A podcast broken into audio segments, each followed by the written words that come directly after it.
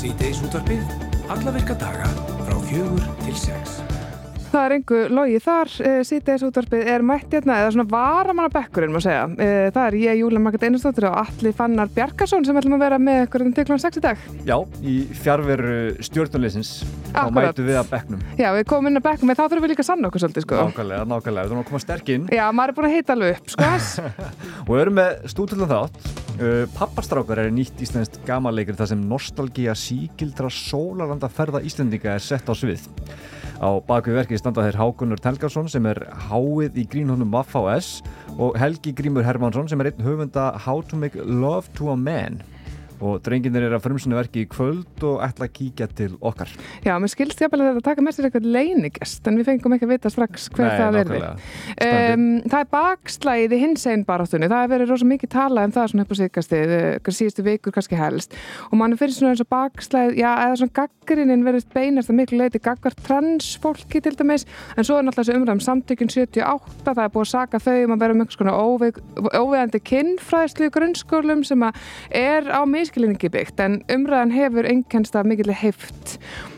og sko okkur lína er svona svolítið um hjarta að lesa á Facebook og svo fallega frásögn. Þetta er hérna Tjörfi Ólarsson hann er faðir 11 ára transdreng sem heitir Kætin Yngvar og hann sagði að já fyrir sig hafi verið vist áfall sem svona miðaldra pappi að fá þessa fregnir frá sininum að hann væri ekki dóttir þeirra. En þau hjónin Tjörfi Ólarsson og Anna Marget Bjarnadóttir þau leituði til samtakana 78 og segja frá því hvað þau hafa fengið henni ómetarlega fræðslu aðstöð fjölskyldan er búsætt í bandaríkjunum en þau verða á línunni á eftir við ætlum að ringja í þau út og vona að það bara gangi vel og fá að heyra uh, þessa sögu Nákvæmlega.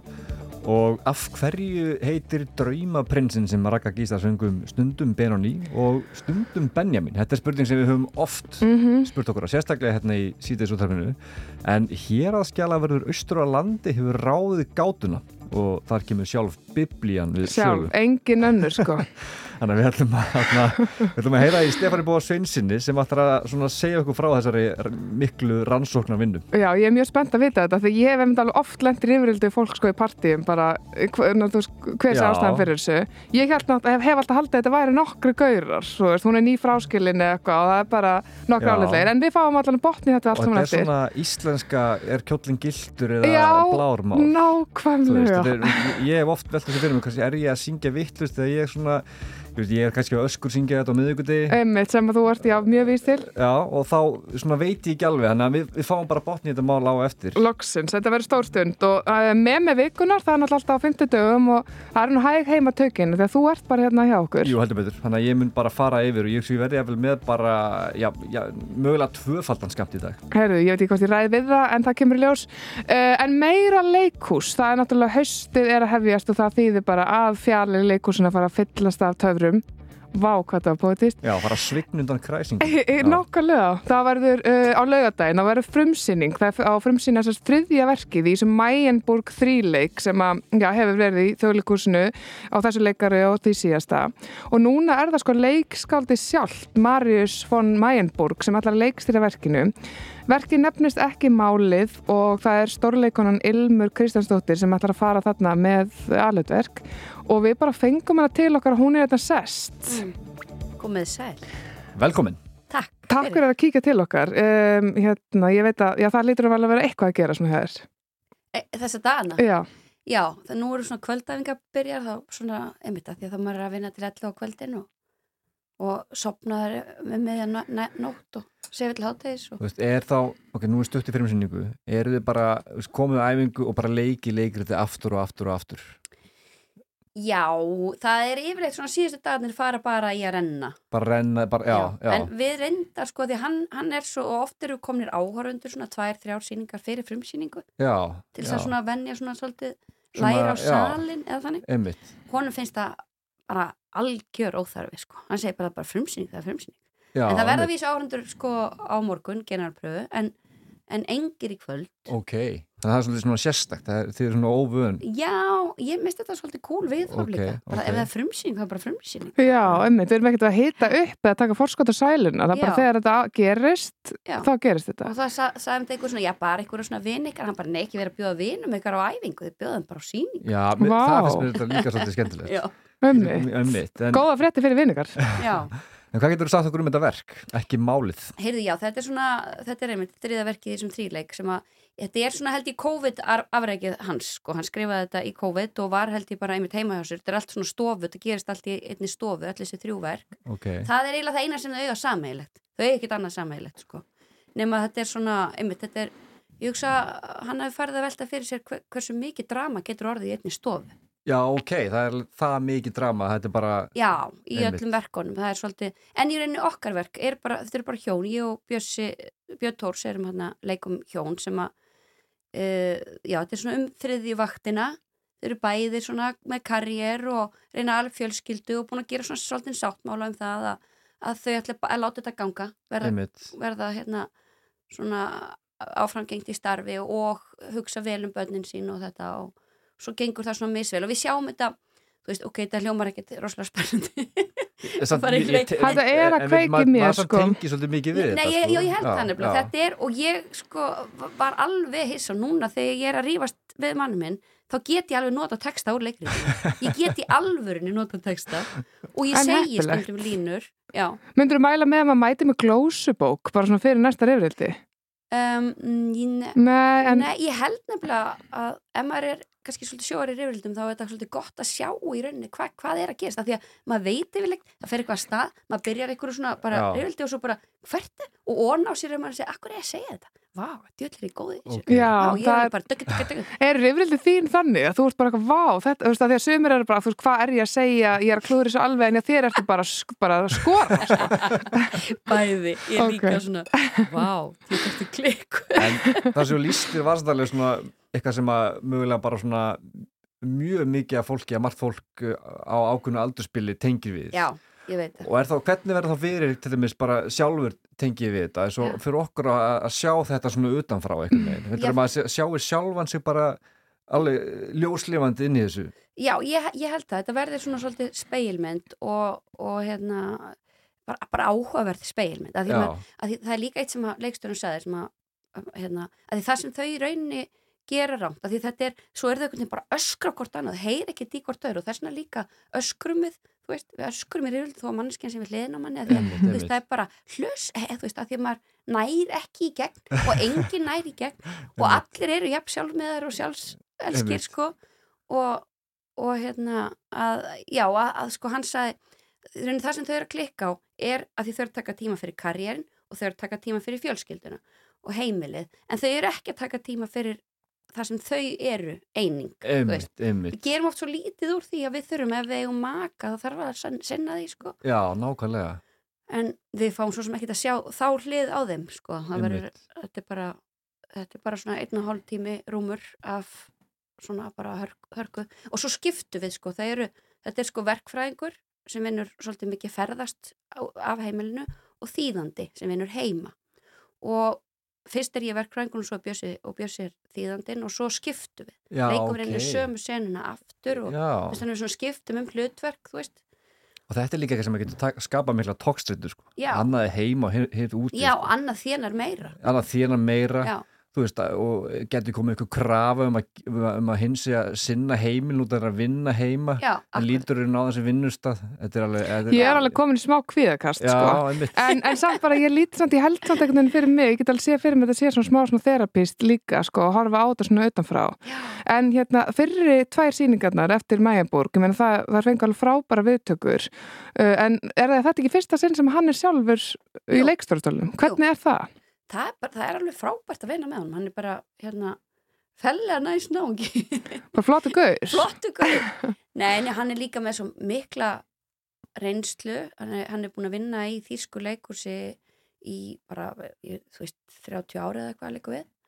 Og, og hérna er samt bara svona ung, ungur. Þú veist, hann byrjaði, útskrifaðist bara 90 og eitthvað úr, úr skrifum og svo byrjar hann bara að vinna í leikursi hann er búin að vinna bara í sjábunu ég veit ekki hvað mörg ár Veistu einhvern veginn sjá það bara líka á nafninu. Marius von að Mayenborg þetta er bara, þessi- þetta er bara svona, þetta er svo mikið leikursnafn þetta Já, þú svo- gæti einhver verið lestastjóri eða, eða leikstjóri, þú veist. Þetta, ég, ég, er svo, ég er svo illa að mér í leikursi að ég var svona að lesa þetta, ég hugsaði smástundarlega býtu, allir sé eitthvað að grína í mér allir sé, allir, þetta sé karakter líka Vá, því að þú ert komin svolítið langt Já, svona já, einhver mjög samsæðiskenningum. já, já.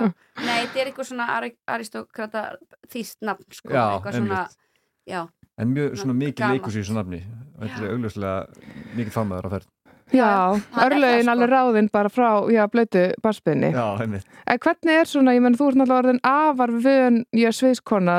Uh, er maður alltaf, er alltaf smá feyringur samt, verður, verður stressu þá hann stýgur og segja fremsýningu? já.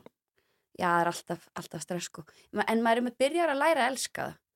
Þú veist, þetta er svona eins og ég ímynda mér að íþróttamenn eru fyrir keppni eða þú veist, það er líka partur af þessu. Maður sækir líka í þetta að því að maður, það er líka þetta stress sem að maður, sem að sækast upp og veist, hættir aðeins að sofa og einmitt snýr sólarhinginu við og, og maður fer inn í búblu sem er algjör búbla það er bara, ég tek engin símtöl fyrir utan, eða þið- veitir ég það er svo mikill hýperfókus og það er líka svo mikill kvild í því sko. En var, ekki líka, var þetta ekki líka bara búið hjá, hjá leikara, leikonu sko, þegar þetta kemur ekki?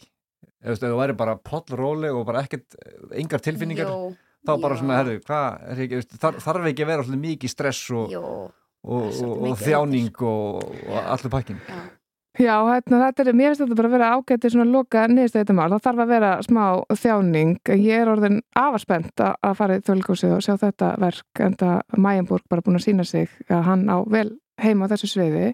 Og það er bara fullt af sýningu framöndan, en við byrjum á frumsýningunni. Mhm. og Ilmur, takk æðislega fyrir að kíka til okkar og við takk bara hlökkum til að fylgjast með. Takk. Hey,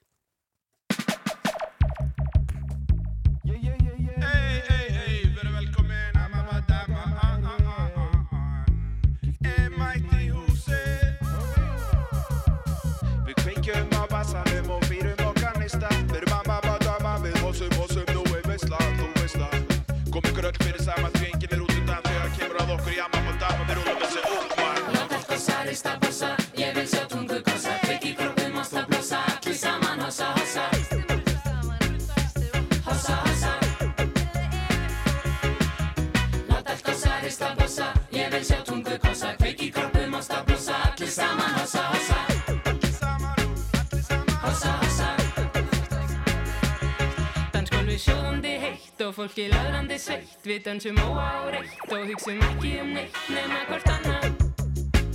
Og allt það sem er bannað. Þegar ég fer út að dansa vil ég finna bassan. Frá báðum fótum mínum rótum upp í brjóðskassan Sveifla mér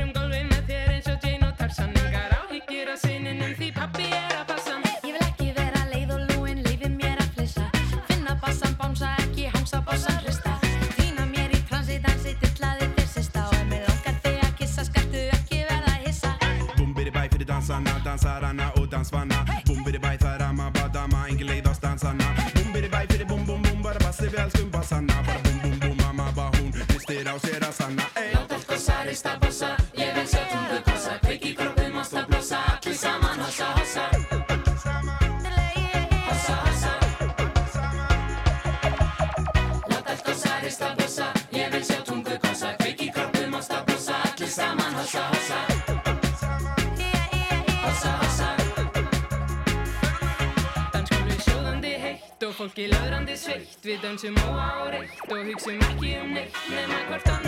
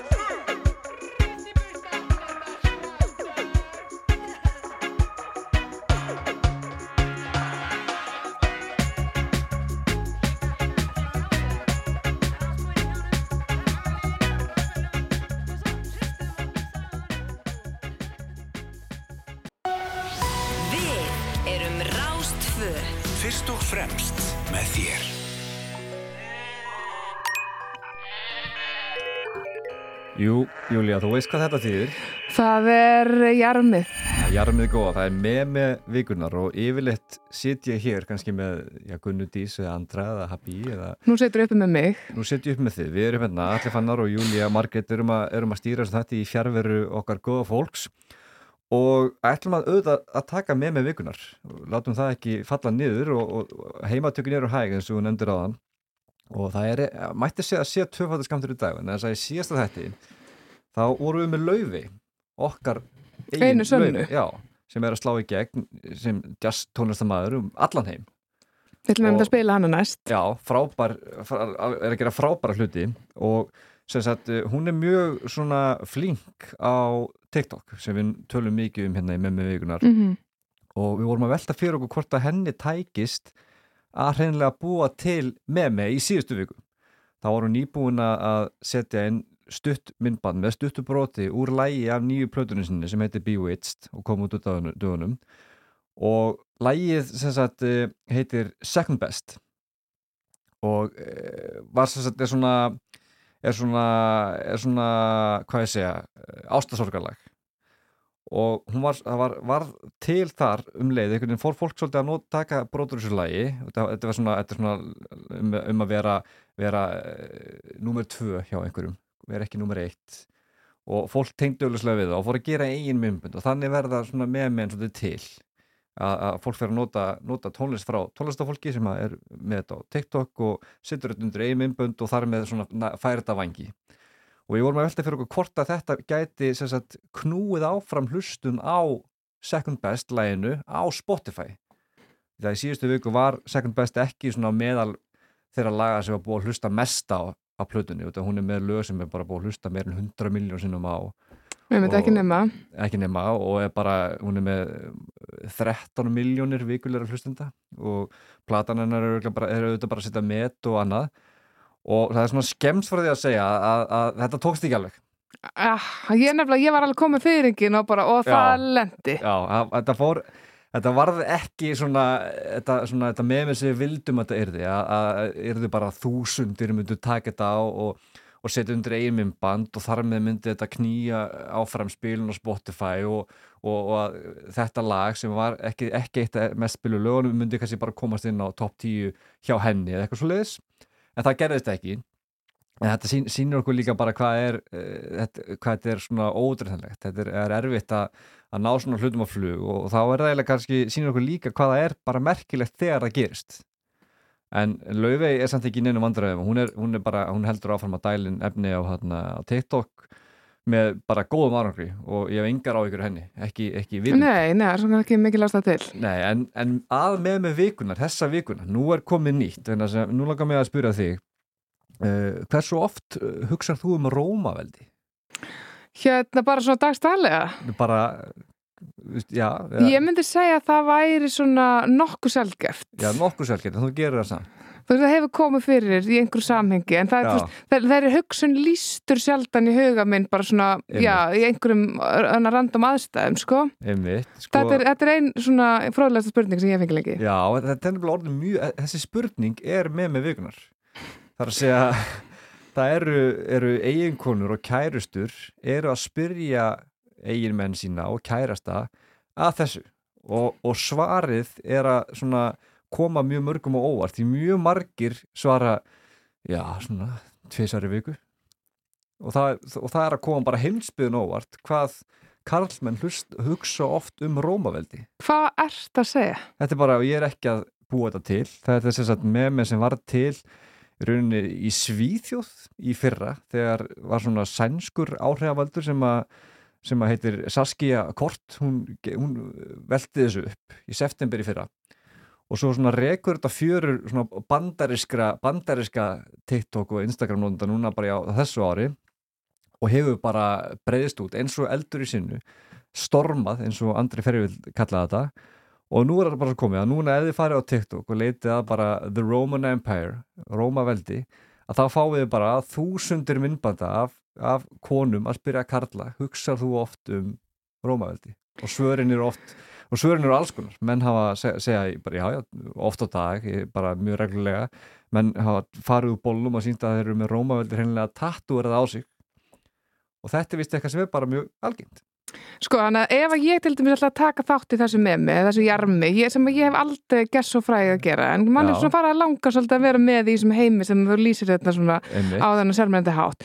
Uh, þá ætti ég að taka upp síman minn, uh, koma, vera, þú veist, þegar kærastu mín kemi heim eða eitthvað slíkt, þá myndi ég kannski stoppa hana af og Já. segja, elska mín, og svo bara spyrja spurningarnar og ég, er með, og ég er með upptöku í gangi. Já, hversu oft hugsar þú um Rómaveldi og hann kannski bara, "Já, já, svona einu sinni til þessar í mánuði. Já, og fólk er ekkert svona að að hissa spurningunni þannig sé.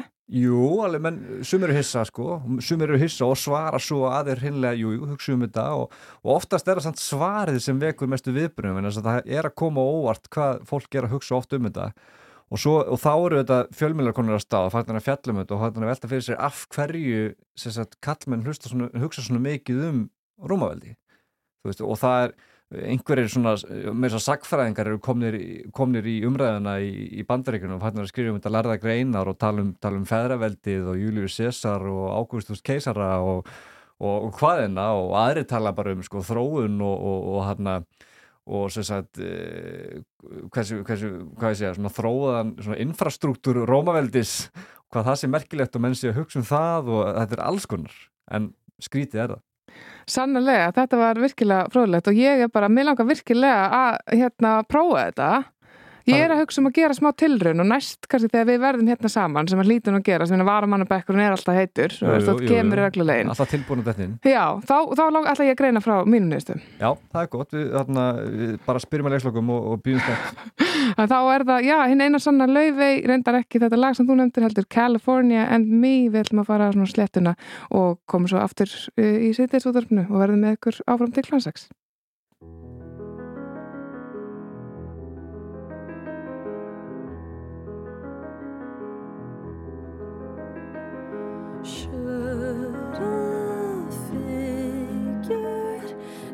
You'd go back to New York. Don't consider me when you run back to her. You don't have to hide it. I know why you went. Said you needed space.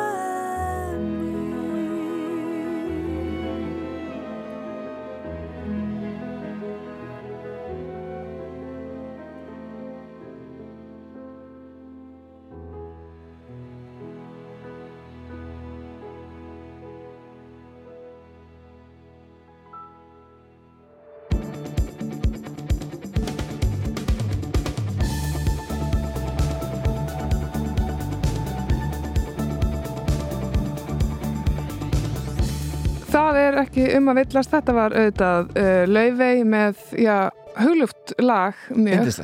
Alveg indislegt, við erum orðin svona vola mjúk og kósi hérna um, og við ætlum að tala meira um leikurs. Já, það er líka, þetta er tíminn. Einmitt, ef einhver tíma, þá Já. er það núna. Og þetta er, já, nýsýning sem að verður frumsynd í kvöld. Já, Heitir- pappastrákar. Já, og uh, þetta fjallar einhvern hátt um sólarstrendur, um, ákveð svona, já, eitthvað mikið sprell og spið. Já, svona, einmitt, þetta er uh, sólarströnduna sem við Íslendingar er svolítið vun að sækja. Þetta er svona, þetta er Tenerife eh, Kanari stemmingin og í bland við einhvers konar pappa, eh, hvað ég segja, tókstreitu. Já, allir það ekki, já. Hérna, við fáum allan að fræðast meira um þetta eftir. Við fáum til okkar um, þá Helga Grím og Hákon Örn sem að, ég sagðist að þetta taka með sér einhvern leiðin Já. gerst, þau komast að því. Þeir eru bara á leiðin í hús og við ræðum við þá hérna bara eftir ölsingar. Jú, þið eru að hlusta á síðis útúpið á Rás 2 og við erum komið með í heimsókn, ég og Júlia, pappastráka. Já, loksins. Loksins erum við komið með það í heimsókn. En já, pappastrákar er sérst nýtt íslenskt gamanleikri þar sem eh, nostalgía síkildra sólalandaferða Íslendinga er sett á svið og til okkar eru komnir Hákon Örn, Helgi Grímur og Andres Þór, það er sérst höfundar og tónlistarmaður síningarinnar. Mikið rétt. Yes. Velkomin drengir. Takk hérlega fyrir. Takk fyrir. Það er svo sólavarna lykt hérna inni, þannig að það er greið að þeir alveg að lifa ykkur inn í hlutverki. Við- Enda, já, stutt í frumsýningu. Mhm. Já. Já, við erum að frumsuna bara í kvöld í Tjana Bíó. Uh, hvað ég að segja, sex mánaða svona stíft ferli allavega komið að lókum. Við, Já, í raun og veru, sko. Já. Við byrjum á þessu í, uh, hvað, byrjun massa þessar en hugmyndin tegið svona á eftir, hvað, til 2021? já, já. Þannig að þetta er búin að vera lengi fæðingu. Það er sólalandaferðin, svona íslenska sólalandaferðin sem er undir, í, í, sem er svona sögursviðið. Já, þetta er sko Gran Canaria, Mallorca, Tenerife, Benidorm, allt þetta klassíska og allt sem því fylgir sem við erum að svolítið að setja á svið hana. Við byggum til okkar eigin strönd sem heitir Playa Buena. Ok. Ó, hvað, ég, ég myndi kaupa með það, bara að heyri þetta. Já. Nákvæmlega. Já. Og hvað er það sem að einkennir íslensku sólalandaferðina sem að er svona tekið fyrir hjá okkur? Sko, við, það er sem Já. er með búin að gera plan fyrir ferðina bara upp á hver einustu mínútu og hann er með allan búnað, passar allir sem er sólavörn og allt sé klappa og klárt allar bókanir eru í svona litlum plastvasa það er þetta gerist í okkur að sko, þeir skipta óvart á töskum á flugvellinum einn pappastrákurinn við hinn sko, Mhm. og þá fer fríið svolítið úr skóðum og það Já. er svolítið það sem að sagan hefst Þannig að skipulaði pappin svona missir skipulagið Missir Já. skipulaði í, í hendur óskipulags. Óreðunar, já. Óre- já. já. Já. ég leik svona óreðuna svolítið í lífi uh, Ólafs sem að Hákon leikur. Karakterinn minn heitir Hannes Hansson Já. og hann er já svona, uh, hann er svona flamboyant glömgósi og uh, já, hann kom til Playa Buena í allt öðrum erendagjörðum en hann er að skrifa æfisugu föðu síns Já. og er svona hérna, kannski með ákveðna frestunar áratu og lifir í ákveðnu flæði, sko. Sonur Hannesar Hannessonar sem er sonur Hannesar Hannessonar sem er sonur Hannesar Hannessonar sem er sonur Hannesar Péturssonar Já. Ok, Ó, og, og hvar kemur, hvaðan kemur nafnið, sko, hérna pappastrákar inn í, sko, sólalanda þema? Hvað, e, þetta eru augljóslega pappastrákar Já, en, er, já. er það bara það? og er, er þetta líka einhver, svona, einhver, einhver, einhver þráður í, í, í sögunni?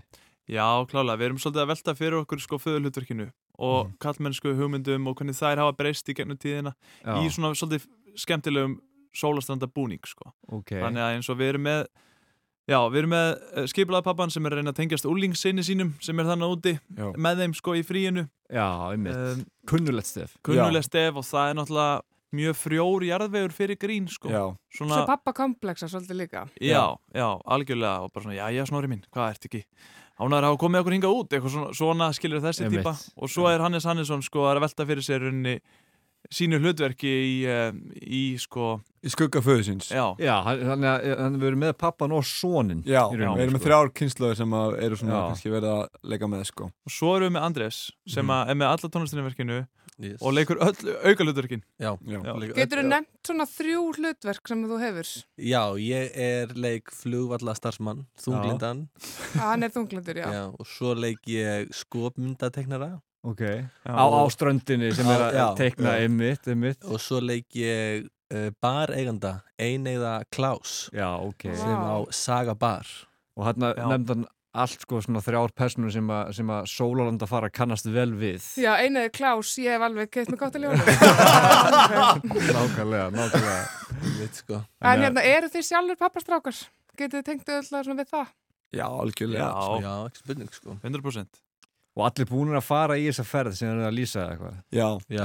ekki nema það að heldur gerist leikirtið árið 2007 Já. og við fórum alveg uh, djúft inn í þá uh, nostalgíu, hann að við erum að vitna í alls konar hluti sem er að þessi stað þar. Já. til dæmis Já. er Snorri Sónur Ólafs með MP3 spilara sem er ákveðið svona ákveðin heila leiki yfir og hann tekur á allur eirunum og svo erum við með hérna Þetta er magnað ár sko. Já, sko, gengið var ansi stærst, Já, þannig að það var kostaði allt, kostaði ekkert. Lífið er ljúft sko. Lífið er ljúft, við náðum með þetta glitnis handklæði Já, sem er að frábært inn í leikmyndina Já, sem var sko fyrst Íslandsbanka hanglaðið Já. Þið munið til því Það var Já. Íslandsbanki var fyrstur Þegar Íslandsbanki var sko með bláa og gula logoið mm. þá var það hanglaðið Já, sem Já. var til Mallorca. Svo var það glitnir einmitt Já. og svo Mhm. aftur er Þannig að við erum að vitna í okkar nostalgíu, ákveðin hátt sko Já.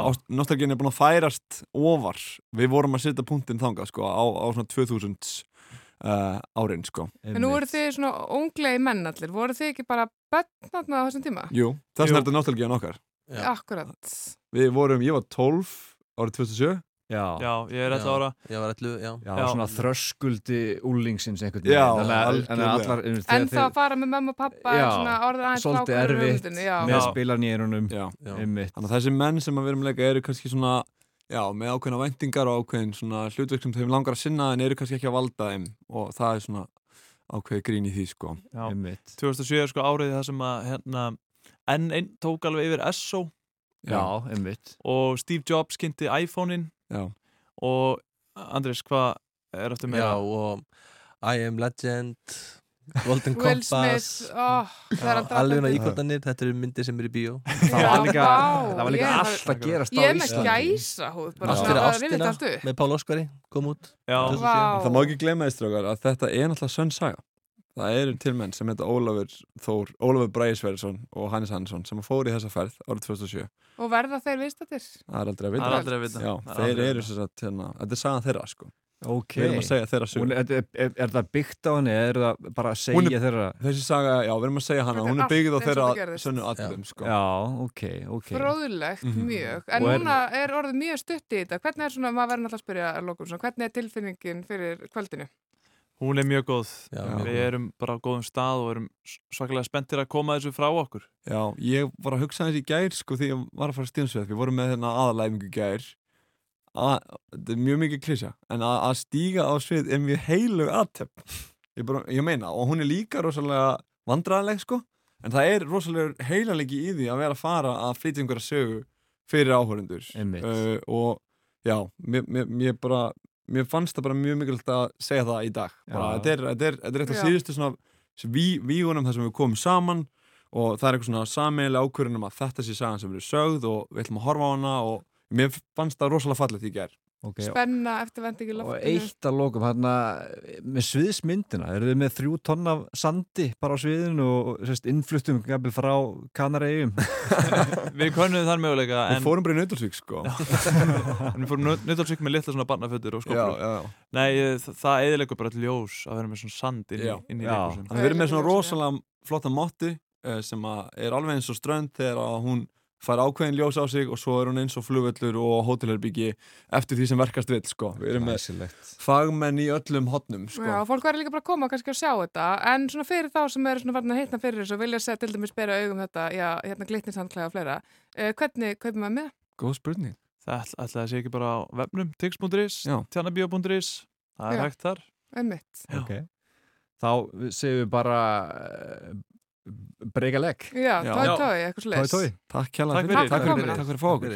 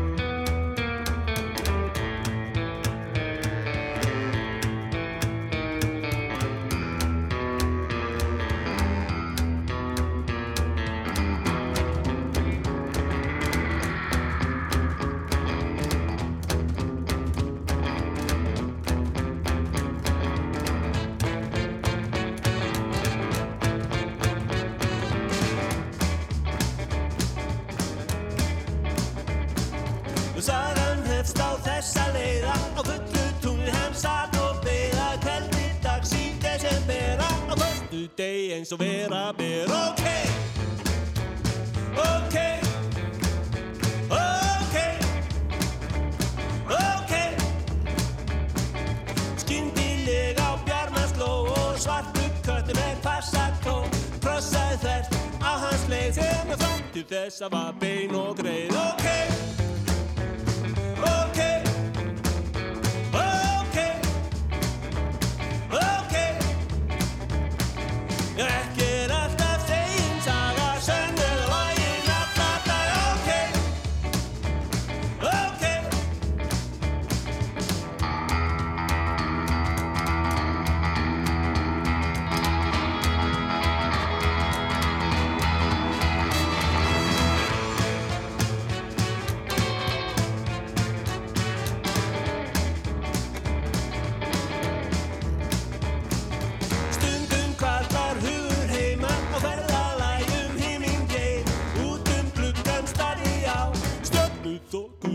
líða hjá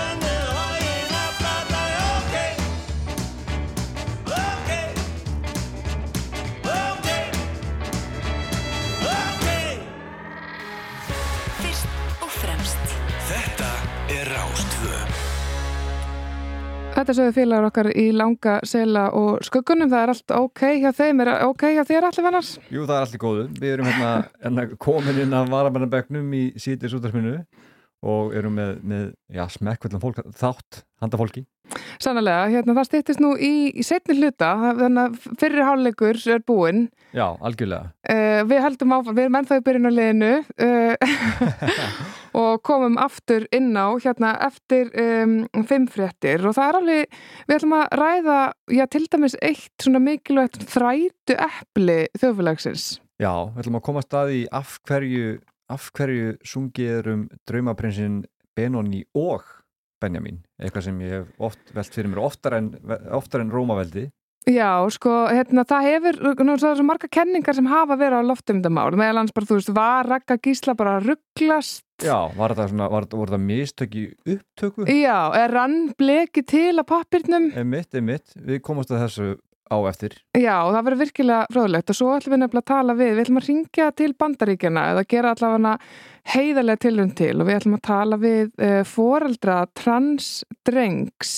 Þau hafðu nefnilega alveg afskaplega fallega svona frásögn uh, að segja sem að eða þau deildu frásögn sinn og upplifun af uh, því að, já, eiga batt sem kemur út af skapnum sem trans og það var svona, já, áfall en þegar við tekist að hérna sjá, já, fegurðan í þessu öllu saman og sínum dásanlega dreng það verður, já, fróðlegt að heyra hvað þau hafa að segja hérna.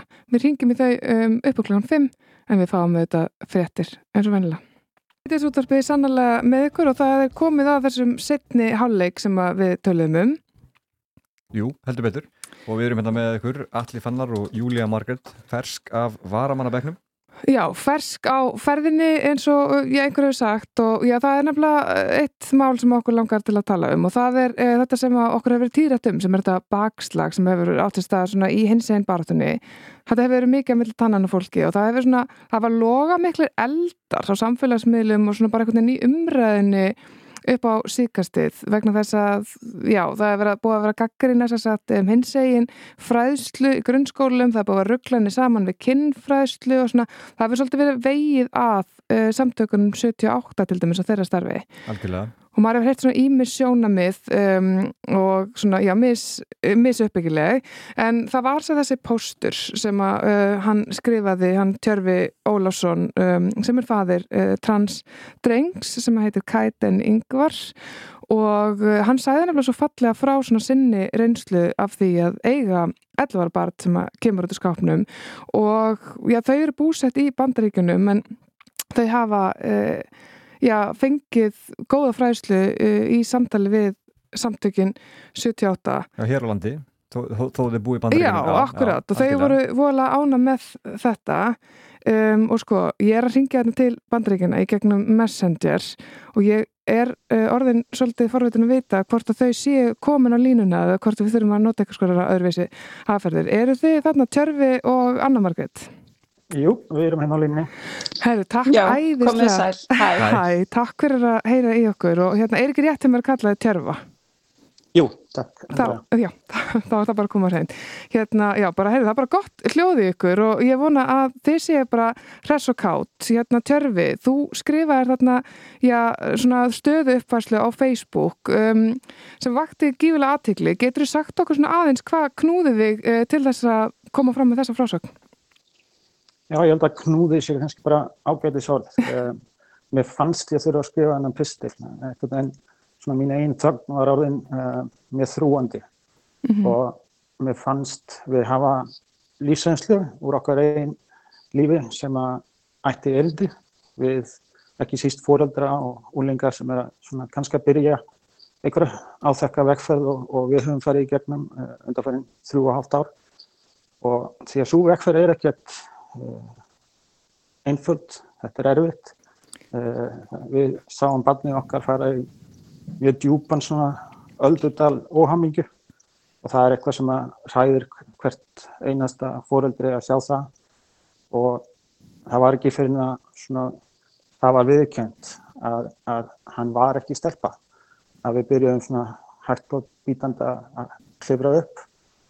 Stundum nokkur skrifa áfram og nokkur skrifa tilbaka og hérna en svona þegar við komum upp á, og sáum bara svona eh, lífi í augunum aftur bros á andliti eh, hlátur, vini kom í heimsók skólagangan gerbreytast hann í þá vissum við að svona áfangastæðinu sem voru komin á væri svo rétti. Þó að kringumstæðirnar væri kannski aðrar því að við vorum á næðursu fjölskylda sem við leiti heldur en vorum. En ég held ef að svona fóreldrar geta saminast um eitthvað samlefnara þá er það að við viljum sjá börnunum okkar líða vel og þetta þurfti til, til þess að, okkar barni liði vel og það var okkar svona vegvísir í, á þessari vegferð. Vá, þetta er ótrúlega fróðlegt og það er einmitt svo mikilvægt að fá um, þetta sjónumið inn og það sem þið getið sagt frá okkar svona persónleiri reynslu og það er einmitt það sem þú lýsir þarna í staðin fyrir að segja, láta kannski eins og þetta sé já, eitthvað einfalt, um, einfalt verkefni sem þið hefur staðið þarna fram með fyrir. Um, þú segir sjálfur að í svona miðaldra pappi hafi fengið smá áfall fyrst þegar að svona er eitthvað greinir frá þessu. Já, það er alveg rétt og það tók okkur alveg nokkra vikur bara að melta þetta og og það sem við vorum að stundum á sikkunum staðnum eh, hversu langt við vorum komin í að, í að hérna, viðkynna þetta. Því að þetta eru eh, veist, þetta ferli getur byrjað sem ákveðin sorg. Að eins og ég er að lýsa ég, ég taldi um hega eina dóttur og þess vegna getur þetta verið að þér fyrsta viðbræði séu sért að missa eitthvað. Og, hérna, og þess vegna fari ég einhverja afnettun og, og það tekur heilangan tíma að svona eh, viðurkenna og að, þessa setningu, ég er ekki stelpa. En þegar þú kemst þangað og það getur tekið tíma þá byrjar þetta að ganga betur, þá byrjar að fara áfram. Og eins og ég segi, þegar við komum á þennan áfangastæða þá vissum við að við hefum komist í gegn og við fengum sem betur fer mikinn stuðning uh, frá vinum, ættingum uh, fólki hér úti, en ekki síst uh, líka vegna þess að þetta var í COVID allt þetta gerast á netinu að þá var ómyndalegt fyrir okkur að geta leita til samtakana 78 að, að þeim ókipis stuðningi og, og mjög fljótt aðgengi sem við fengum þar. Akkurat, en kannski ef ég tek þráðina aðeins þarna Já. þeirri lagi með þessa þegar heitin segir, segir okkur frá að hann sé ekki stelpa, heldur strákur að þá einmitt var, voru nokkra vikur sem að maður fór í að bara hugsa málið og ná þessu og melda upplýsingarnar. Og eftir að hyggja fannst ég mér, ég fannst ég vera ömuleg móður að ég, þetta voru tvær, þrjá vikur sem ég tók tíma í að melda þetta en ég sé núna í stóra samhenninginu það var það ekki langur tími. En einmitt það að horfast í augu við það og akkurat þarna fengum við skýring á því af hverju Keitin leið svona illa eins og hún gerði. Og, og þá gáttum við farið að vinna með það sem fjölskylda með honum. Og já, Vá, þeir þurftu náttúrulega æfa ykkur vantarlega svona uh, einhvern veginn upp á nýtt að já, kynnast honum sem þeim dreng sem hann er. Og hann er náttúrulega rosalega ungur þegar hann, uh, já, greinir ykkur frá þessu og, og náttúrulega maður getur ímynd sér að lífið hafi, já, breyst mikið. En þau búið í bandaríkjunum, svona hvernig, hvernig hafa viðbröðin verið þar svona í samfélagi sem að þau búið í? Þetta er náttúrulega risastórt mál í bandaríkjunum en, en bandaríkin er ekkit eitt svæði eh, og við búum sem betur fyrr í Maryland, eh, í nákvæmni Washington DC og eh, hérna er mjög fjölbreytt samfélag, mikið af fólki frá eh, hvaðan af heiminum og, og þannig að það er tölverðu skilningur á þessu hér myndi ég segja og til dæmis eh, skólarnir sem við höfum eh, gengið í gegnum uh, þetta ferðalag með uh, hafa sínt þessu mjög mikið stuðning heilt yfir, auðvitað eru undantekningar en, en, en stuðningurinn hefur verið bara nokkuð góður myndi ég segja. Og, og, og krakkarnir taka þessu miklu auðvitaðra heldur en við. En, en, hérna, þetta er ekki bendilega kynnslóðbundið eins og Anna þú vilt kannski segja frá hvernig mamma tók þessu? Já, einmitt það fyrsta sem maður gerir þegar við fáum þessar upplýsingar og við erum að melda þetta sjálf að, að þá einmitt leitum við til okkar bestu vina og, og nánustu fjölskyldumælima og er, byrjum að ræða þetta. Og, og síðan einmitt var Keiten mjög stressaður sjálfur að segja ömmu sinni frá ömmu hönnu, ofur ömmu hönnu eins og ég kalla hana. Uh, sérstaklega vegna þess að að amma Hanna er eina amman eða afinn sem er á lífi og þeir eiga, þeir eiga mjög náið, þau eiga mjög náið samband. Þannig að, og þetta er í COVID, þannig að við vorum auðvitað ekki mikið að ferðast og það voru nokkri búin að fá að vita um þetta áður en að við tölum við með hönnu. En síðan ákveðu við, tjörfið að setjast niður á FaceTime og með samþykja sjálfsögur Keitens og, og við byrjum að segja og síðan kemur Keiten og síðan þegar við tjörfurum að ræða við, við tengdamömmu þá var svo fallegt að hún er mitt fyrsta sem hún segir þetta kemur mér ekkert óvart. Vá. og þetta kom henni eh, minna óvart en okkur. Og það er svo fallegt samband þetta millið þeirra og síðan kemur Keitin inn í samtalið að sjálfsögðu og, og þetta er bara rætt opinskátt. Og já, og síðan spurði amma Hanna mig hvort það væri komið nýtt nafn og, og við segjum frá því og það er Keitin og, og síðan svona líður við ykkur um mánuðir og, og það var það eina skilrið sem að amma hana sagði, Keitin, það verður líka að vera eitt íslensk nafn, þannig að það var mjög fallið að Keitin valdi Keitin Yngvar, þetta áður valdi Synga og við upplöðum líka óbærslega fallegan tíma í sumar í ágúst, við vorum í fyrsta skipti á landin í ágúst og tókum þátt í gleðugöngunni og þar voru fjölskylda og vinnir með okkur, það var dásanlegt. Og fylgist þið með eh, umræðinni á Íslandi? Og er það kannski svona, hún er alltaf búin að vera ótrúlega mikil heift í umræðinni á Íslandi, er, er, er, er það þessi heift sem að svona, hvað ég segja, ítir við ykkur að, koma skilabóðunum hingað? Við eldust nú ekki við allt umtal um þetta en, og þetta þurfti að fara upp á e, svona ákveð stig áður en að hérna, ég fann mig knúin til þess að stiga inn það, kannski, það stig var kannski þegar maður fannst reynilega öryggi barna vera ógnað.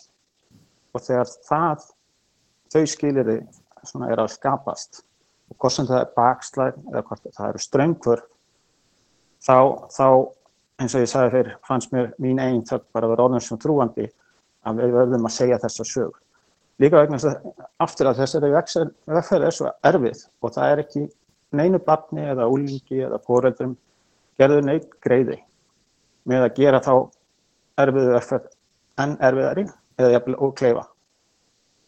Og, og einmitt líka það sem okkur fannst skipta svo miklu máli og, og finnst skipta miklu máli er að, að koma þeim skilabóðum áleiðis að það er ímsa hjálp að fá og það er stuðningur víða að sjálfsögur byrja maður helst í sínu nánastu umhverfi og hjá sínu nánastu vinum og fjölskyldu en síðan þarf maður líka að tala við utanakomandi og, og við fagaðila. Og það var það sem við gerðum. Við vorum einangri í COVID, við ætluðum að sjálfsögða að sækja sálfræðast og hér og svo framvegis og fyrir keitin. En eins og við veitum líka í COVID, bygglistar voru langir og svo framvegis. En þá eh, fengum við fréttir af því að samtökin 78 væri með fræðslu og við leituðum til þeirra. Og þar voru opna dyr að taka við til okkur um, í gegnum netið, bæði við okkur fóreldrana og síðan við keitin og, og þeir buðu upp á þessu þjónustu gjald frjálst, bjóðu upp á nokkra tíma og þetta getur bara skipt sköpum í þessum fyrstu skrefum þegar maður veit ekkert hvað maður að segja eða hvernig maður að haga sér og, og hvernig maður getur stutt barnið sitt sem allra best. Og í framhaldinu fengum við um drákjum það að hvernig við getum líka bara, einmitt þetta með að leita til skólana, leita til, ég- við leitum til barnalæknisins okkar hér. Þar fengum við ábendingu um, um mjög faglegt prógram sem er hjá barnaspítalanum sem að, að sjálfsög, það var byðlisti en við byðum í rúmt ár og, og erum þar núna og, og fáum stuðning sem fjölskylda. Akkurat, það er að byggla, ég get ímyndið mér þessi ómetanlegt alveg svo það til lýsið þarna, en ég meina þið, já, þið voru hans að segja okkur frá Keitinu svona hvernig líðan hans breyttist, getið lýst í svona hvað breyttist í hans svona, já, bara líðan og lífi eftir að uh, hann fer í þessa vegferð og svona farin að setja í sjálfur sér? hann náttúrulega byrjar þessa vegferð undan okkur sko og, og hérna svona fer bara niður í, ja, hóðna inn í sjálfan sig og, og hérna líða illa, eh, hætti að hitta vini, við sjáum bara engunir hríðfalla. Svona fyrstu af, loka sig af henni herbyggi, Mhm. valla horfi í augun á okkur. Mhm, og svo bara, nei allt er góð, svo bara hérna eh, einhvern veginn þegar þetta var loks viðkjönd þá, þá fer þetta breytast og það er bara, það er svo falleg sjón að sjá bara, þið finnst þið næstu eins og sérst að fá nýtt barn í hendurnar því að karakterin er bara orðin allt, allt annað, sjálfströstið gríðalegt og, og hérna endalösi vinir og, og, og, þess að það, þannig að það er bara svo, svo dýrmætt og þá skiptir bara allt annað uh, litlu máli. Það Er, þetta er bara aðalega til að barnunum að slíði vel, þá, þá er maður ánægður. Einmitt, ég held það sé bara góð loka orð, Tjörfi og Anna Margrét, takk innilega fyrir að greina okkur frá þessari reynslu ykkar og bara til hamingi með flótan dreng. Takk fyrir. Takk kærlega fyrir það samband. Bestu kveður til Íslands. Takk fyrir það. Allt það helsta. Síðdeis útvarpið Frá fjögur til sex á Rás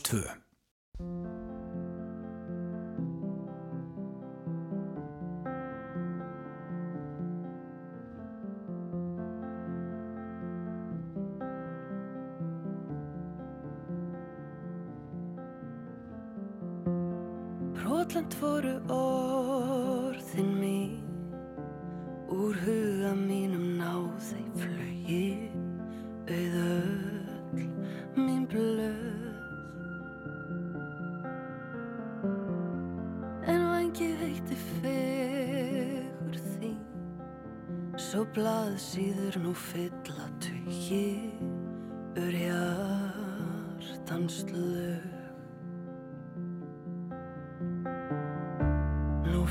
spíða orð í röð.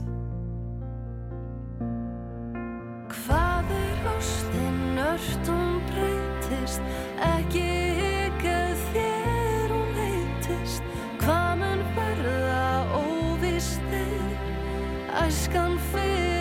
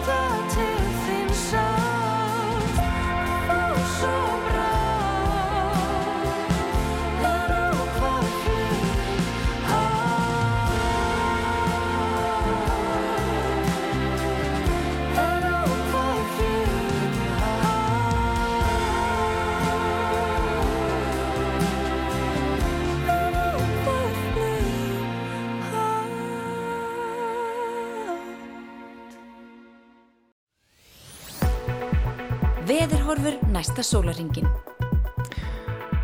Já, það er veðrið, uh, talandi um svona stef sem að við þekkjum og þá veitum við að hlustendur okkar þekkja þetta stef alveg mæta vel. Um, sko, núna er farða hausta, það er bara staðrend alvanar. Já, ég fann það vel í morgun Þú fannst náttúrulega fyrir því. Já. Uh, finn, fylgist maður jafn vel með veðrinu á haustin og sumrin?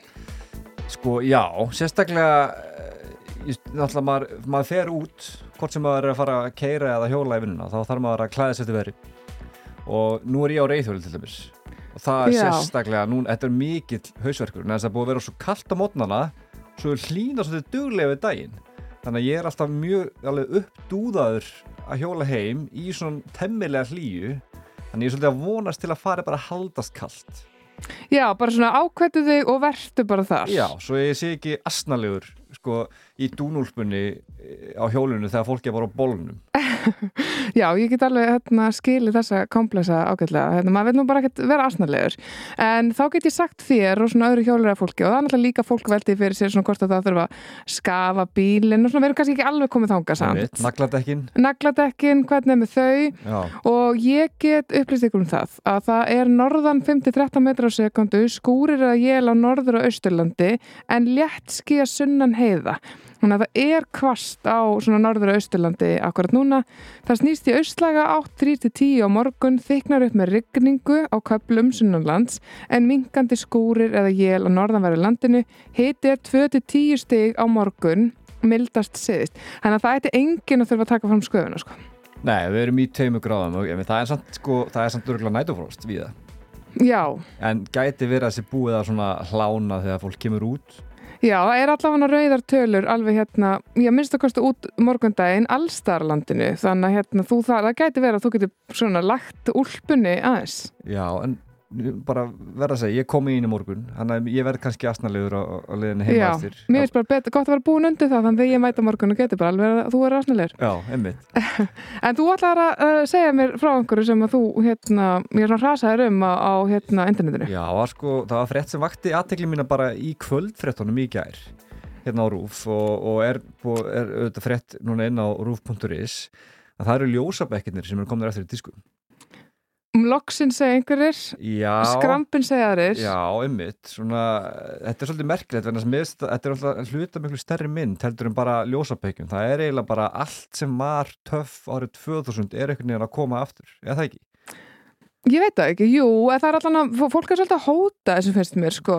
Ég er náttúrulega skítrætt við þessar lágu gallabuxur. Já, það er þessi, hérna, já, plömmer óttin, það er þessi óttin já. við að vera að sína sér rassin, verður svona, ég finn hann strax aftur svona frá úlingsárunum. Og svo víðu buksur sem að voru svona viðkölluðum skoppara buksur Já, það eru svolítið komnar, svona víðarhef ég menna, við vorum uh, sko, við vorum í þröngum gallaböksum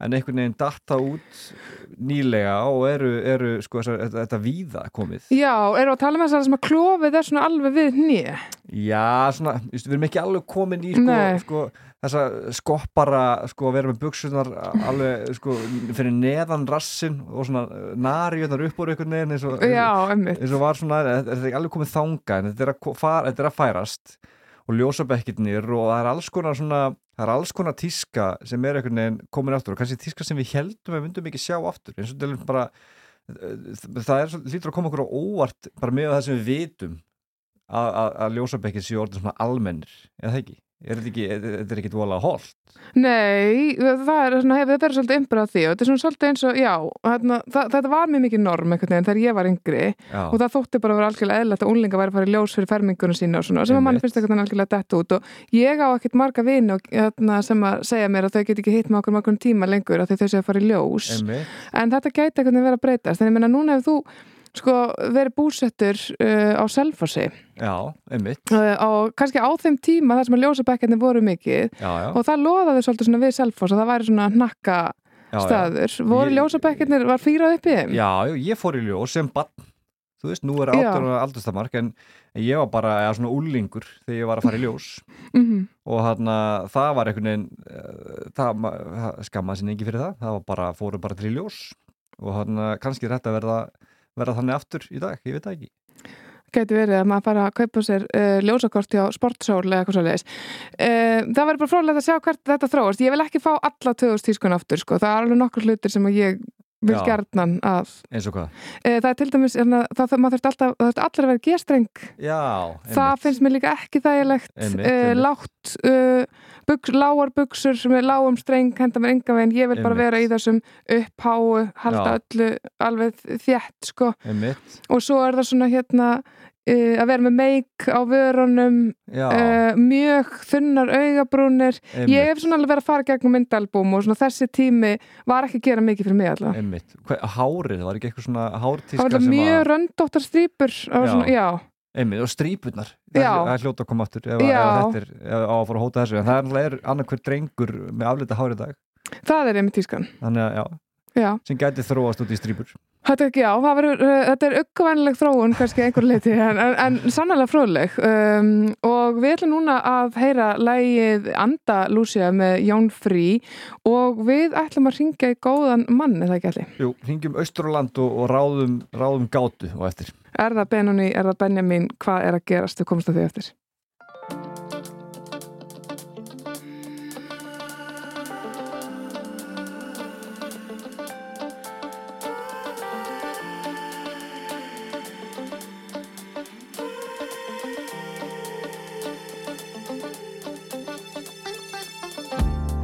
Taktar, glænýtt kvöld. Gýra mig gangu lög frá síðustu öld og Andalusia Ég svíf, ég svíf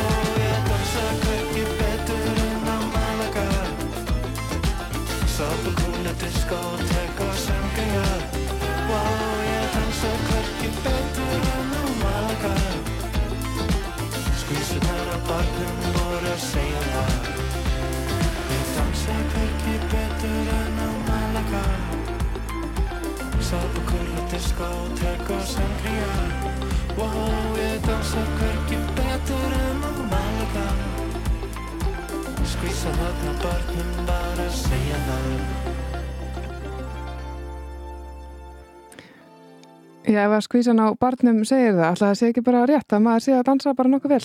Þá er það lög, þá er það lög. Það er, já, það er bara svo leiðis. En uh, já, það við ætlum að fara að lesa ráðgáttu eða ekki? Jú, af hverju heitir Draumaprinsin sem Raka Gísla söngum stundum Benomi og stundum Benjamin uh, Stefán Bói Sveinsson fórstuðumar hér að skjala samt austfyrninga er á línunni. Stefán, heyrðu ykkur? Ég heyri vel. Já, blessar og sæll. Hvernig er stemmingin fyrir austan? Hún er bara að hafa góð. Það er búið að vera svolítið bleita en, en almennt góð stemming samt. Já, gott að heyra. Uh, sko, ég las góðan pistil eftir þig um, um þetta mál og áður ef við svona bara fáum niðurstöðu í málið, þá langar mig að vita svona hvað út í í að rannsaka þetta svona djúft. Já, þetta er, það er vona spurt sér sko, hva, hvers vegna hér á skjálavörður austur á landi fyrir eitthvað að elda daglega texta og, og hérna var að slíka vittlisu en, en það villanir til að við fáum inn á, inn á safni hjá okkur ímis erindi sko, þetta getur verið alls konar erindi bæði frá fræðafólki og bara fólki sem er að leita að upplýsingum um bæði gamla tíð og svo getur þetta verið landamerki eða eitthvað annað sem er verið að svona skoða. Og þá fer maður oft bara í bæði skjöl sem við erum með í safninu og svo í bækur og, og ég var semst að skoða, skoða búsetu á Víkum sunnan Borgarferðar Estri og, og lendin í bók sem heitir Máabrygg eftir Ármann Halldórsson sem var nú hér að skjála verið hér einu sinni og þar fjallar hann um mann sem að hétt einmitt Benoni og svona í algjöru framhjálpi þá, þá nefnir hann ákveð, ákveðna punktar sem að opnuðu augum mín fyrir því sem ég tel vera að lausna á rákvætunum af hverju draumaprinsinn heitir ímest Benoni eða Benjamin. Mitt, og þú nefnir líka í pislinum uh, sagfræðing Stefán Pálsson sem að þekkjum nú flest og Já, já, hann, hann, hann átt, kom með eigin skýringu þá í, í, í einmitt í framhjálaupi líka í, var það ekki á texta bara á vef hjá fram Jó, Stefán náttúrulega elskar, elskar uh, piltana sína í fram og skrifar mikið um, um þá og, Og konurnar. og stúkunar enda líka. Já, já. Uh, en í þessu tilfelli þá var það, var það þannig að, að, að það var, það var eitt frampiltana sem að heiti Benjamin og þannig leittist hann inn á þetta að, að vitna í draumaprinsin og, og tala þar um þess að, þetta sé bara einhvers konar, einhvers konar hérna, mistök í, í þjóðurittun eða vanga á í hljóðritun eins og hann segir en, en mér sýnist að það sé alls ekki rétt og, og, og, þannig var, var nafni minn Pálsson dregin eiginlega algjörlega ósekju inn í þessu umræð þetta var eiginlega bara gert að mér að, að, að krækja svona í hann en ég var svona, ég var aðeins að ég fór aðeins að googla því að, að, því að mér, mér fannst eins og þetta, þetta væri svona stef sem að kæmt aftur og aftur í umræð og fólk væri að velta þessu fyrir sér þessu með Benóni og Benjamin og það reyndist alveg rétt og Einmitt. það hafa fleiri líka gert einmitt og, og svona ef við komum okkur nær kjarnamálsins hvað, að, hvað að hverju komstu í þessari miklu rannsóknar vinnu? Já, ég komst að því að, að það er sagt, til það annað dæmi um mann sem heitir bæði Benoni og Benjamin og það dæmi er í, í biblíunni, í fyrstu Mósebók. Og, og það er einn af sonum hérna, Jakobs sem, að, sem að setna var kallar Ísrael og, og forfæðir kynkvísla Ísraels manna samkvæmt frásögnum biblíunar og hann sem sett eignast son en, en svo vil til að, að, að Rakel kona hans, hún deyr uh, við fæðinguna. En hún nefnir sonin Benoni áður en að hún deyr en, en Jakob kýsa nefnan Benjamin. Þannig að þannig, er þessi drengur og hann fær sérst bæði nafnið Benoni og Benjamin. Og, og Benoni þýðir samkvæmt þeim skýringum sem gernar eru í, í biblíunum, þá, eh, sérst íslensk útgáð biblíunar, þá, þá þýðir Benoni sem stengskonar sonur þjáningarinnar eða, eða harmkvæla sonur er önnur þýðing sem er, er, er notast við. En Benjamin þýðir hins vegar sonur hamingjulandsins eða hamingjusonurinn. Þannig að, þannig að þetta er eða tvær hliðar á, á sama manninum og þessi, þessi hörmulega saga auðvitað að móðurinn deyr og þannig er hann auðvitað harmkvæla sonur en hann er líka hamingjusonur vegna þess að fadirinn elskar hann. Sko. Þannig að Já, þetta er, er sami maðurinn, tvær hliðar. Nákvæmlega og, og þú komst að því líka að, að, að það var alveg með ráðum gert að, að, að nota bæði nöfnin í, í læginu. En ég vil meina það, nú, nú setjum ég í, í spór sakfræðingsins, þó ég sé reyndar ekki sakfræðingur en, en ég er svona reyna að þykjast vera sakfræðingur og, og hérna og þá fór ég að skoða heimildir og þá fann ég semst viðtal við söngkonuna Ragnhildi Gísildóttur sem að það sem hún er bara spurð, þetta er 1983 það er ári eftir að lagi kemur út og þetta er í æskunni hún er bara spurð hreint út að nákvæmlega þessu nú bara nú syngur þú ímist Benoni eða Benjamin, er þetta mistök og hún segir bara mjög skipt nei, ekki mistök. Um, það átt að vera viss húmor í þessu hjá Magnús Erikssoni sem að samti bæði lag og texta. Þannig að þannig erum við með heimild svona snemma sem að hún mótmæli því að þetta séu mistök. Mér hefur reynda setna verið bent á það að hún hafi líka sagt að þetta hafi verið mistök að að það er svona leir en ein skýring sem er, er á flökti og, og, og hérna og mér var líka bent á það að það væri þetta bara mjög viðegandi að Ragnhildur bara heldi því áfram að vera tvísaga í málinu af því að hún er í læginu um tvísaga um nafnið og nú er hún kannski orðin örlítið tvísaga um ástæðuna sko. Einmitt. Já, þú hefur komist á þessari niðurstöðu, ég menn þetta hefur vakið alveg í nokkra um, mikla aðtegli jafnvel og að því að einmitt eins og við höfum farið yfir í þættinum í dag, þá hefur þetta verið svolítið svona þrætaefli þjóðarinnar, en hefur þið fengið þessa kenninga en staðfesta? Sko ég held að það sé náttúrulega erfitt að fá svona kenningu staðfesta. Uh, mér hefur líka verið bent á það, mér er, er ljúft og skilt að geta þess að það hafa aðrir komist að þessari sömu niðurstöðu og nefnt, nefnt þetta áður og minnst að ágættu vinnum minn bendi mér nú á það, hann hefði, hefði tjáð sig um þetta áður. En, en hérna, það, það er kannski erfitt að, að fá þetta endalega staðfest og, og, og en, en hérna, ég er í það minnsta samverður, mér finnst öll líkindi benda til þess að, að, að það sé vísvitandi verið að nota þessu nöfn, Benoni og Benjamin uh, og, og þá hef ég bæði náttúrulega orð reglindar og viðtalin frá 83 og svo reyndar fann ég líka setna viðtal við höfundi Magnús Eriksson sko frá árun 82 þar sem hann fjallar örlítið um drömaprisin og hann sem sagt segir til þess að hann hafi verið sko verið mjög lengi að semja lægi það hafi krafist þólumæði og yfirlegu þannig að þetta er svona það finnst mér ekki benda til þess að þetta hafi verið eitthvað flitt um, og hann segir líka að honum finnst textar mjög mikilvægir þannig að mér finnst mjög ólíklegt að hann hefði þá bara svona út frá einhverjum mistökum ákveðið það að, að hérna, breyta þessu bara. Ég, mér finnst miklu líklega að hann hann hafi tekið með þetta ákvörðin um að nota akkurat þessin upp og ef hann notar akkurat þessin upp er þá ekki líklegt að það sé vísun í eitthvað það sem að aðra frásögn það sem að akkurat þessin upp koma fyrir Einmitt. Þetta, Þetta hefði alveg geta verið sko draumaprinsinn Daniel, draumaprinsinn Aðalsteinn, en það var Benoni og Benjamin sko. Nákvæmlega. En svo er eiginlega stærsta spurningin í þessu er sko, einmitt, það er gaman að velta þessu fyrir sér, en, en eh, sko, reynilega bara þólum við að fá einhverja endalega nýðustu við þetta. Þarf þetta ekki að vera svolítið á reiki eða, eða svo að sé hægt að svona, halda áfram að grúski í þessu? Já, við erum, að, við erum að tala um þetta núna, fólk hefur gaman að þessu, ég, vo- ég vona það að fólk hefur gaman að þessu uh, og það er, svolítið, það er svolítið erfitt að alltaf staðfest þetta byllinis. Það væri kannski helst Magnús Eiríksson sem getur svarað þessu en, en svo náttúrulega eins og góðum svona fræðmanni sæminn þá er ég náttúrulega ekkit viss um að ég myndi trúa Magnúsi ef hann myndi koma og segja að eitthvað annað verið skýringin heldur en hann sem að ég hef komist að, ég, ég trú á sjálfum mér í þessu. Þannig, Já, þannig að við verðum bara, ég, ég- held þetta verði bara áfram umræðverni og, og, og örlítið bitbein og það er kannski bara gaman. Einmitt, einmitt. Svo auð- auðvitað eftir að heyra sko, heyra lokaorð Stefáns Pálssonar í þessu máli. Já, ég, ég veit ekki, það er svona spurning, spurning hann hefur verið mjög þögull um þetta mál, ég hef ekki séðan, séðan tjá sig um þetta og, og hérna, en, en hérna ég reikna ekkit endilega, endilega með því að, að hann blandi sér neitt í tilna, þetta er nú kannski heldur ekki á hans sérsviði. Nei, einmitt, einmitt. En það, þetta er mjög skemmtilegt og ég held að sé bara við en að við fáum að heyra, heyra lægið og hérna þökkum við kærlega fyrir að vera á línunni eh, Stefán og, og, og sendu góða kveður austur. Já, takk kærlega fyrir það. Takk. Já, við hljótum að finna uh, þetta lag þegar maður verður eitthvað núna sko líðum eins og maður þurfi að hlusta á það um, og svona til að gera uppi sig hvort að maður trúi þessari kenningu Algjörlega. eða einhverjum öðrum sögum um þetta mál. Við fáum auðlýsingar og hlustum svo á draumaprinsin.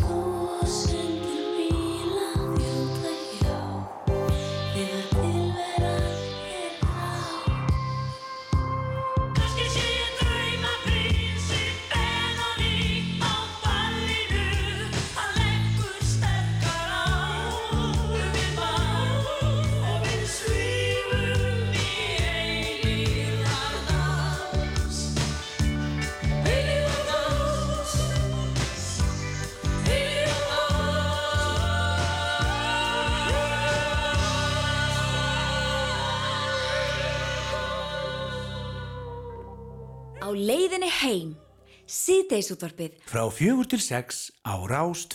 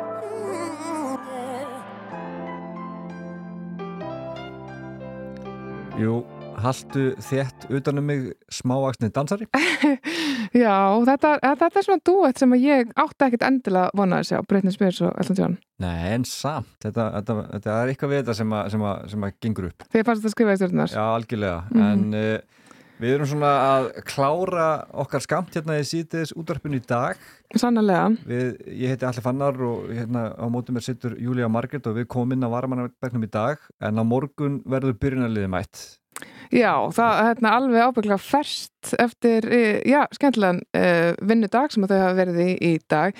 Og það, mér hefur fundist alveg dásanlegt að fá tækifæri til þess að vera með ykkur og, og þér allir fannar. Algjörlega, ég minni bara á, á, á vefun okkar rú.is þar sem að þar sem að er alltaf nóg um að vera.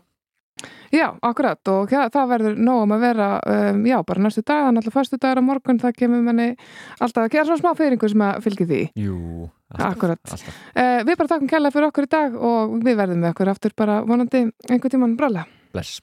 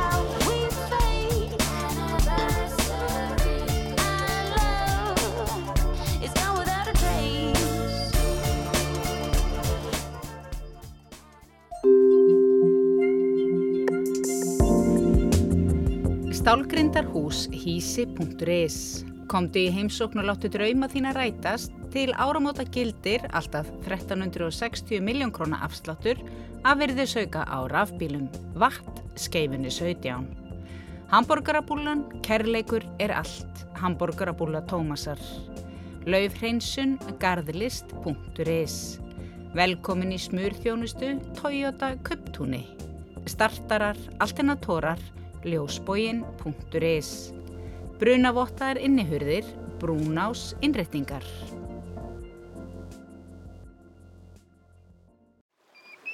Ný uppskera blómkáli komin í verslanir. Íslensk græmeti, þú veist hvaðan það kemur. Ó, ljúfa líf er nöðsynlegt að eiga eitthvað sérstakt til að hall okkur af. Eitthvað sem breytist ekki þrátt fyrir að tíminn og lífið fari um það hrjúfum höndum. Sirius fyrir það ljúfa líf. Hlöðum í hagkvæm æfintýri. Rafmagnaður fjórhjóladrifin Jeep Compass skila þér hvert á land sem er. Pláss fyrir allt og alla og öll þín æfintýri, hvort sem það er út í búð eða upp á næsta fjall. Eigum bíla til afhendingar strax. Ísband Mósfellsbæ. Er hlæðslu laust með þitt hús? Ekki flækja málið. Settu heimahlæðslu onn á dagskrá á næsta húsfundi og komdi í hóp ánægðustu viðskiptavinana. Orka náttúrunar. Haustdagar á K7 bílaplani byrja í dag, fimmtudag og það er opið til klukkan 8 í kvöld. Komdu og skoðaðu eitt starsta og litrikasta úrval landsins af notuðum bílum þar sem Bílaland, Askja notaðir bílar, Hyundai notaðir, Bílabankin og Bílamiðstöðin saminast á einu plani. Þú finnur draumabílinn fyrir veturinn á K7 bílaplani, Krókhalsi 7. Áskriftarsala er hafin á Tíbrá. 50% afsláttur á miðaverði ef keftir eru miðar á alla Tíbrá-tónleika.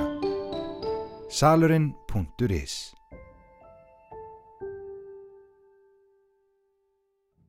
Harðparkett dagar. Gerðu kröfur. Egil Árnason, Suðurlandsbrug 20. Hagkaup með þér í 64 ár. F64